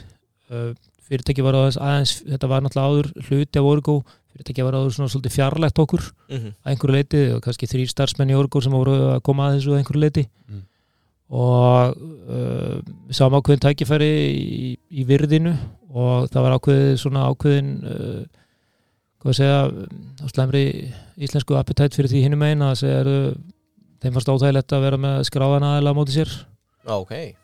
Uh, og þannig að þegar þetta fór saman þá fór nú í gang svona til langur samningaferill sem að endaði síðan á, á, á því að við, við seldum á held ég mjög fínu verði Mhm. og við það þá svona kannski veist, við, menn, það er nú bara þannig að, að þetta var fjárfesting sem að var í eigu orgu við áttum þetta 40%, 40 í fyrirtækinu en uh, í grunninn eru sko hinnir 580 starfsmenn orgu að vinna við eitthvað allt annað Mhm. og þá kannski færist bara aðteglin á það og, og orgu búið 27 ára markaði Mhm. það er bara dágóð tími og uh, við, á þeim tíma hafa vaksið innan orgu og margar greiðlega sterkar sjálfstæðar einingar Mhm. og hugmyndafræðin kannski bak við þetta er að segja ok, nú erum við bara að horfa þennan innlendar ekstra okkar og við ætlum að reyna að byggja undir þau fyrirtæki og gera þau sterk hver á sínu sviði Mhm. og þannig að þegar maður fer í slíka breytingar þá er rosalega gott að geta unnið þær til lengri tíma en vera ekki að hugsa frá fjóruðung til fjóruðung og geta verið í mjög uh, einföldum samskiptum við hluthafa um hver framtíðar á, á, á formin eru Mhm. og það getur vel verið að, að Orgo fara aftur á hlutabjörðamarkaði í einhverju formi sko. Mhm. þannig að það, það er nú kannski svona meira þetta sem maður ræður því að, að, að, að mér, sko, ég, mér finnst bara sk- sk- skráði markaðurinn mjög hérna aðtilsverður, ég reyndar sérst, ég fór líka með makasína markaði. Mhm. uh, en, en það er bara Er þetta kvortir til kvortir dæmi ekki pyrrandi? Þetta er ekki bara að fá vinnufrið? Komast ég- að markaði sko, það, það, er er náttúrulega, það er náttúrulega það er náttúrulega virkilega pyrrandi Mhm. og það, e- ef að það er að hafa áhrif á langtíma virði fyrirtækis og þá er það bara þá, þurfa aðalega virkilega að hugsa um það þannig að, að, að ef að fyrirtæki eru farin að finna fyrir því að það sem skiptir mestu máli er að reka það frá korti til korti er en, en líklega er það að fara að skada langtíma virði og langtíma uh, hæfi fyrirtækis til þess að takast á samkefni Mhm.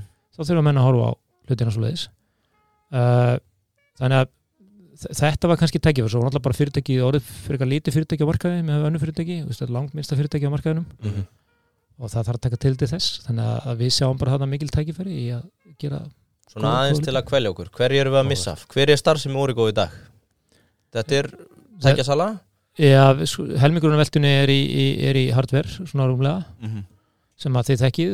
Hérna þó að þið séu, þó að þið séu reyndar ekki með almennilega búnað hérna inni. En, en, hérna, en það, það er eitthvað vorkun og, og við getum lagað það. Er það ekki með Dell eða? Nei, held ég ekki, Nei við seljum Apple reyndar. Ert þú Mac-maður eða? Nei, ég er svona bæði sko. Já. Já, ég, ég já, er alltaf að skipta. Mér er bara svo gaman að, ég er svo gaman að þessum dóti Já. uh, Síðan erum við náttúrulega bara tölfur stóraðil í þjónustu við IT-kerfi fyrirtækja. Og svo erum við stóri í, í hugbúnaðatrónum, stærsta hugbúnaðatrónu fyrirtæki landsins Mhm. með rúmlega 300 manns í hugbúnaðatrónu og svo hefur við verið að hasla okkur völl á síðastlunum árum síðastlunum, sérstaklega síðastu þreymur árum í ríksmálum Gegnum Sindis ekki satt? gegnum Sindis, sem skiptum Sindis saminuðu það saminuðu minni það öryggishóp Orgo og erum komin bara með mjög stert 50 manna fyrirtæki í, í neturöki Sindis eru rosalegir. Það eru löglegir hakkarar fyrir þá sem að ekki þekkja til þeirra. Og það er rosalegt, Það er það er alveg svakalega sko. þjónusta sem þeir veita og, og í takt við held í tíðrandan mjög þörf sko uh, ég ætlaði að mynda að koma inn að af hverju er ég ennþá nýherji.is er, eigum við vonað að Origo verði aftur á nýherja? Nei, nei, nei veist, þetta er náttúrulega bara verðmætt nafn nei, ég, engar, engar slíkar hugmyndir upp á borunni sko. Ég held að við eigum líka sko, o.is, ó, já, mér minni það. Já, ég held að við eigum líka já. það er ýmislegt sem við eigum. Skemmtilegt, já, já. Ég snakk fíla það. Þeir eru að safna lénum hérna í Origo. Skemmtilegt. En eitt hérna með eins og hugbúnaðatrónuna fáið hugmynd og komið henni frá, alveg frá grunni upp á því sem hún verður eða eru þið meira að hugsa um að taka yfir kannski hugmyndir sem eru komnar af þessum fyrstu skrifum og þróa er þannig áfram hvernig er þetta svona Já, sko það fer alveg eftir því hvort að við séum svona sterkir í því við getum kallað dómini eða því umhverfi. mm -hmm. Þar sem að við erum sterk í, í umhverfinu sem við erum sterk uh, til dæmis bara og upplýsinga einri upplýsingagjöf fyrirtækja, BM-málum fjárháskerfum, uh, helbriðismálum uh, mannskerfum, þar erum við bara startup vesmiða, já, bara búið þetta til frá grunni. búum til fyrir grunni og, og eigum frábæra hugmyndir sem að hérna, en þegar það er svona utan okkar greina mm -hmm. þá erum við mun betri að taka við því og svona, eins og ég kalla svona skrefið svona 2 eða 3 þar sem við komum með svona, þú kalla það proof of concept. Eins og Sindis mæntalega Já, var. Sindis var bara svona, þar var, við vorum með uh, öryggishópi okkur sem var svona já, við vorum svona 8-9 og svo Mm. Sindis voru svona 7-8 og við í grunninn bara vildum samanast undir Sindis og gefa Sindis þá vangi sem það þurfti þess vegna þetta sjálfstætt félag til að geta svona náð út þessum vakstamöguleikum sem að við teljum að þeir hafi og þeir eru bara á tveimur árum og þeir 50 starfsmenn. Já, akkurat, akkurat. Var síðan ekki annað, örgulega nokkur önnur í mann Paxflow, ferðaþjónustu? Já, það er við, það er við svona spunnið út úr fyrirtækinu. Já, það er komið út Já. núna já, En við, veist, þetta, þetta eru svona það er mikið af vörumatinni og, og mikið, af, mikið af svona möguleikum sem að við teljum að, að við þurfum að gefa sterkari vengi. mm. áhugavert og hvað hérna við hverju er að búast, er ég að stela spurningunni þinni eða? Nei, alls ekki, Já. bara hérna núna, off market Já, nú bara, við erum bara áfram í þeirri vegferð sem við verið í, við erum búin að vera á þessu vegferð í, í, í tvö ár og það er raun og verið það sem að, mér sindi sér eitt hluta því og við settum helbyrslösna einingun okkar í sér einingu fyrir rúm ári síðan. Uh, við höfum svona gefið hverri vöru meira sjálfstæði og meira sínileika hún er ekki hluti bara einhverju svona af, af orgu. Þannig að hvort það er kjarni, launakerfið eða booking factory, hotelbókunarkerfið þá eru þau bara sjálf, þau, eru- þau hafa svona sitt sjálfstæða líf en njóta þess að geta verið með baklandið í orgu. Mm -hmm. Mm. decentralized, coming over. Eins mikið eins og við bara mögulega getum. Já, ok, geggja. Já, við ætlum náttúrulega bara að dempa okkur yfir í spurningar frá hlustendum sko. Ég var bara svona uh, hérna, smá hrættu með tíman sko. En uh, ekkert uh, alltaf mikið stress á því en við reynum að rúla bara nokkuð hrætt í gegnum það. Uh, sko, spurningar frá hlustendum er vissulega í bóði Isnik. Mhm. og uh, við höfum alltaf verið að ta tala um mikilvæg þess að segja gott líðan og punkturis, það er til dæmis mjög gott líðan ég, ég, ég myndi halda það. Heillar á því þessu er að láta fólk vita þegar þú ert á lokalínum því að það er að gerast núna svona skemartist er að taka yfir lénin og einhvern veginn að ná að senda út tölvupósta. Ég fekk SMS um daginn, mm. lokanin léni Mhm. og ég fekk SMS strax einhverja þvælu þannig að það er raun og ótrúlegt hvað hérna hvað hakkararnir, orðinni segir. Á. glæpamenn er og ansið snjallir, það verður ekki á þeim það. En Sindis er að vinna gegn því, eða ekki, og Ísnik?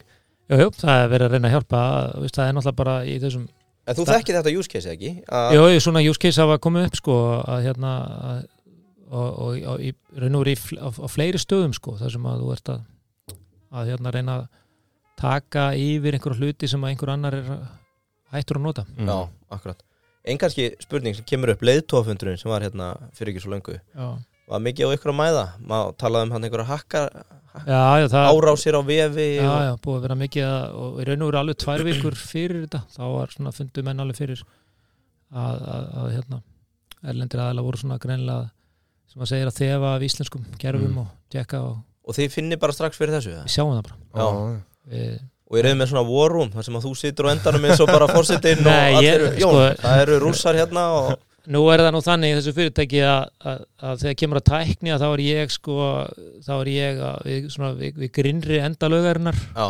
Eiginlega bara í vaðlöginni og svo hef ég hins vegar aðgang að einstaklega færum aðilum sem eru í djúbulöginni og, og hérna kunna þetta og, og, og um það snýst þetta sko að, að, að maður vinnur bara í því sem maður er góður í.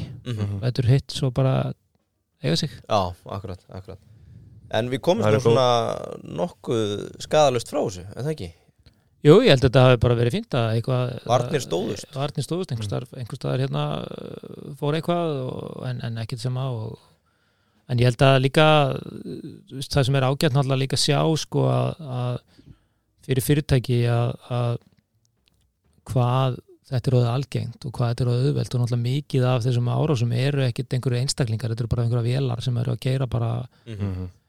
uh, og gera þessar árásir uh, þannig að þú vilt svona vera með, með varnirnar og upplýsingarnar um, í lægi þannig að, að þú sé síður möguleiki að lenda í þessu en eins og ég segi það er bara þannig með hugbúnað og, og net að, að þetta er stöður hreyfingu þannig að þú veist aldrei nákvæmlega hversu örugt málið er sko Mhm. Mhm. Góða punktur. Herðu, uh, ef að demba okkur þá í spurningar, Spurningarnar. frá hlustendum í bóði Isnik, sko, það er nú eitthvað auðvitað búið að koma fram hérna, en ef við byrjum kannski bara, þetta er svona kannski svona smá hraðaspurningar uh, fyrsta, ef þú væri til að spóla tilbaka og byrja upp á nýtt, myndur þú fara aðra leið? hefur tekið þetta starf þannig í Jersey hvað, var, var eru þá? Ég, ég, ég hef aldrei, ég veldi þessu ekki fyrir mér sko. ég, ég hefði kannski sko farið í uh, þetta massisnám það er Já. svona eina sem að maður svona sér eftir já, ég þú- gerði tvær tilhörnum til þess Já, annars vegar þegar ég var hana eitthvað 26 og aftur þegar ég var eitthvað 38 eða eitthvað mm -hmm. Og, en ég ákvað bara að taka 2009 og reyka, fyr, reyka eigandalöst fyrirtæki gegnum 2009 það er svona mín, mín masterskráða. Mhm. Mhm. ein pæling eins og með þetta, þú ert nú skipstjóra sonur. Hefur það aldrei komið til greina? Fara út á sjó? Inn í sjáurtveg Nei, þú ert nú búin að vera í ýmsum brönsum og ýmsum fyrirtækjum? Já, nei það, það er aldrei, ég, amma mín var mjög hérna, straight forward með þetta og sagði bara þú ert ekki að fara að leggja þetta á fjölskylduðina nei, akkurat fórst aldrei með honum í eða? Nei. Nei.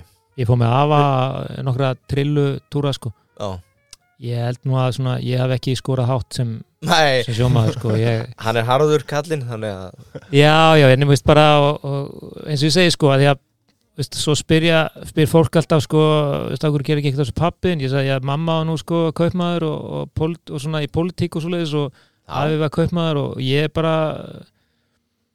já, það er bara lág aðan koma kaupmannskinn Já, kannski allavega áhugin sko. pappi hins vegar sko væga það sko þegar kemur það svona sko dugnaði og, og hérna og hann hefur, ég hef lært margt á hann um stjórnun sko. Mm og hérna þannig að, ég held svona þetta sambland er bara fínt sko. Mhm. en svo er bara held ég oft eru tilvílanir það sem að, það sem að gerist. Já, akkurat Einmitt, herru, þú hefur talað um að góður lokal kaupmaður sé betra en okkur keðja uh, hvað áttu við með þessu?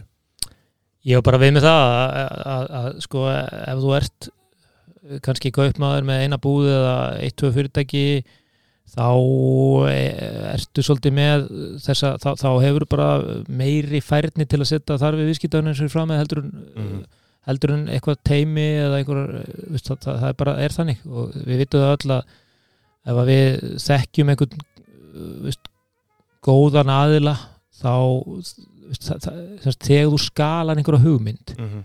þá nærðu aldrei að skalana 100% á hverjum stað. Og, og þú myndi alltaf gefa eitthvað eftir í skulunni þannig að það er þess að segja sko bara og þess að ég hef líka sagt það við sko veist, íslenska kaupmenn sem hafa haft ágjur á netinu og þess og hinu sko veist, ef þú fókusir á það sem að þú ert góð í eða góður í þá held ég að þú getur alveg náð þeim árangri sko og við sjáum það alveg ég meina að bröðkó keppir við 80% innflutt bröðmyndi uh, hérna og nær frábærum árangri sko Mm -hmm.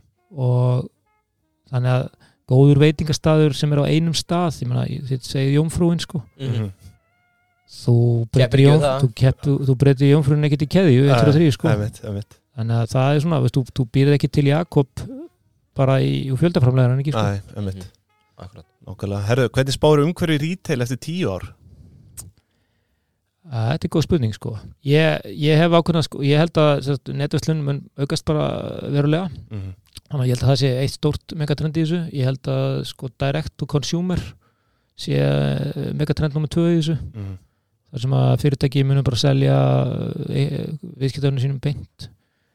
Og ég held að svona megatrend nummer 3 sé eh, svona að við munum sjá meira af svona ég kalla það svona localization á kaupmönnum í útkjörum Ok, ef við förum aðeins í tvö. Já. Þegar þú segir direct to consumer Það er náttúrulega búið að vera Shopify heil lengi og, og þetta er svolítið komið. Ertu að tala um það að færist meiri vöxt að heildsala sem hafa verið að selja gegnum aðra milliliði fara að selja beint eða hvernig Já, við kannski, veist, ef við horfum á vörmerki sem við þekkjum uh, öllu vel með svo Nike þeir hafa bara verið að strategist að færa sig bara Já. bu- burt, bara skera milliliðin og bara selja beint til neytanda Akkurat og síðan erum við að sjá í raun og veru fyrirtæki núna fæðast á netinu Mhm. sem að hafa aldrei verið með búð og eru bara að selja beint Mhm. uh, ég held að sko við hefum síðan eftir að sjá einhverja sprengingu í, í raun og veru uh, hvar netverslunin er hvar er þinn frammendi. Mhm. hann þarf ekki endilega að vera á einhverju svona lendingasíðu sko, hann getur bara verið í einhverju, einhverju öðru og það, það er eitthvað sem ég veit ekki um að því að það er ekki til í dag. Já, og þess vegna hef ég haft mikið áhuga á bara semst allir í lógistíkinni bak við, það þarf að afhenda vöruna. Mhm. það er einhvern veginn að koma til þín og ef hún er ekki stafræn þá þarf að fysikli að koma henni til þín. Þannig að ég hef svona kannski haft mestan áhuga á þeirri keðju og, og, og breytingu sem er að vera þar þannig að ég hef verið að horfa mikið á svona lastmæl, vöruhús uh, uh, logistíktækni Mhm. og eitthvað þess að ég held að þetta er að Er það þannig sem áhugin inn í dropp kannski Já, dropp og svona kannski bara veist, hvernig, hvernig lítur uh, hvernig lítur og veru öll aðfjökakeðan frá þessum framleiðanda að heimilinu þínu eða skristofuna eða hvar sem fara vöruna að afhenda Mhm. Veist, hvernig lítur það út eftir tíu ár Akkurat Það, það er nýkomið nýtt volt, kannstu það? Já, Er það Já. bara bein samkeppni eða er það í raun að leysa þennan anga sem þú Nei, það er svolítið öðruvísi það er svolítið fókusirað í kringum uh, mat. Já, og aðfending á mat og hefur hérna náttúrulega verið sprottuð upp í búið að vera í Skandinavíu í nokkur ár núna og, og hérna er alveg skemmtileg viðbót við, við markaðina. Þá maður samt er alltaf að spyrja sér þarna sko þegar veist, hver uh, ertu í raun og veru að að búa til að aukna framleiðin í virðiskeðinni eða ertu bara að reyna að taka af virðiskeðinni mhm, þar finnst mér tvennskonar veist, ég hrifnaði að þegar þú ert að búa til að auka framleiðin í virðiskeðinni en ekki Mhm. bara að segja ég ætla nú að eiga þennan hluta virðiskeðinni já, akkurat að ég held, og það er það sem ég held við sjáum alveg rosalega mikið bara í íslenski ferðamennsku sko, að veist, við eigum bara allt og lítið af virðiskeðinni sko. Mhm. hún er bara hjá allt og mörgum ellendis Já, Mhm.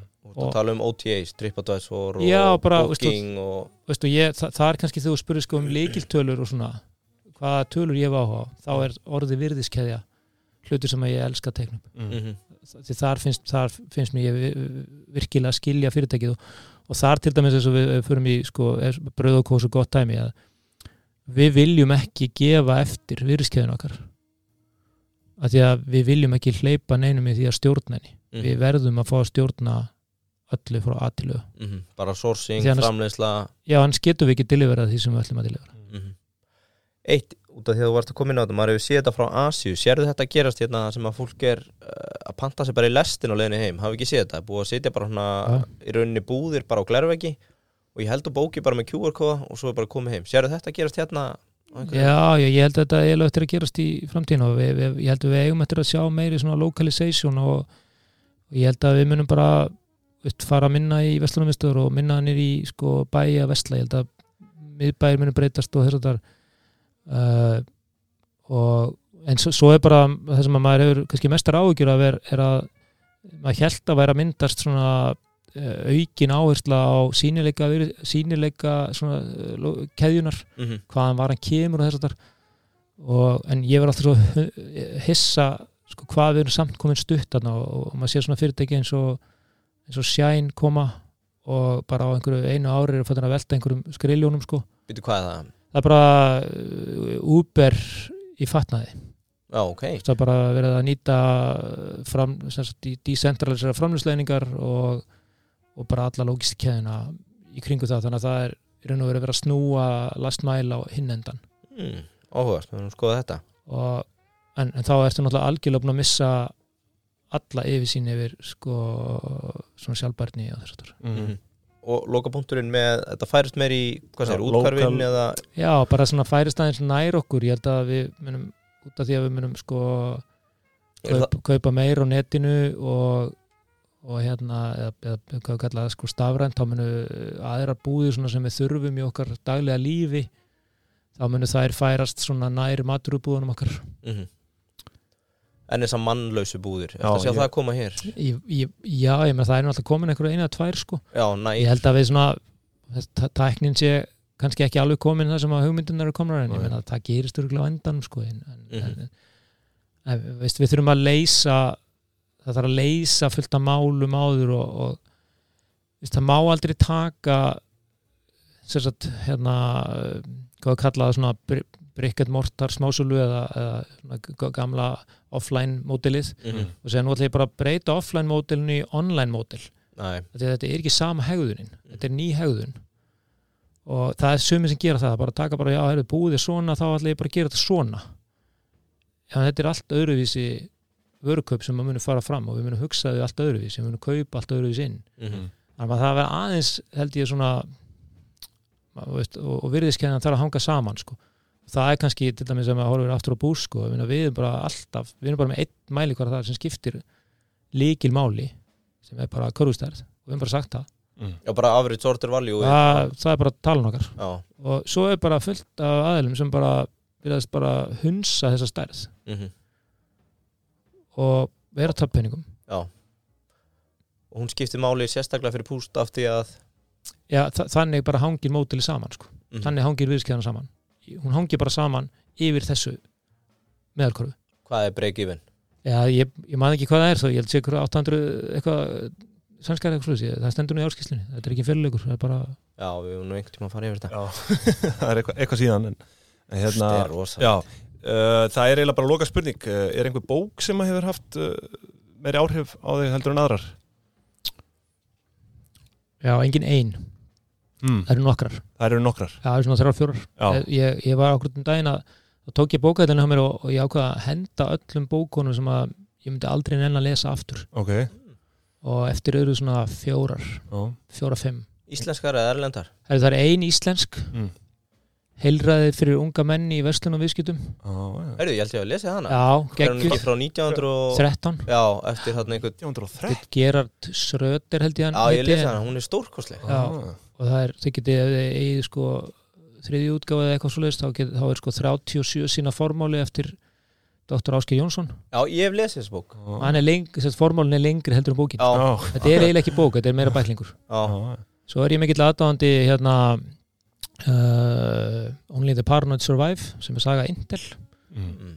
uh, sem geggjur bók uh, svo er á ég svona minn uppáhalds uh, höfund sem heitir Rótsi Martin mm. skrifa bók sem heitir Playing to Win og, og nú nýlega bók sem heitir New Way to Think sem er gekkið Mm. Mhm.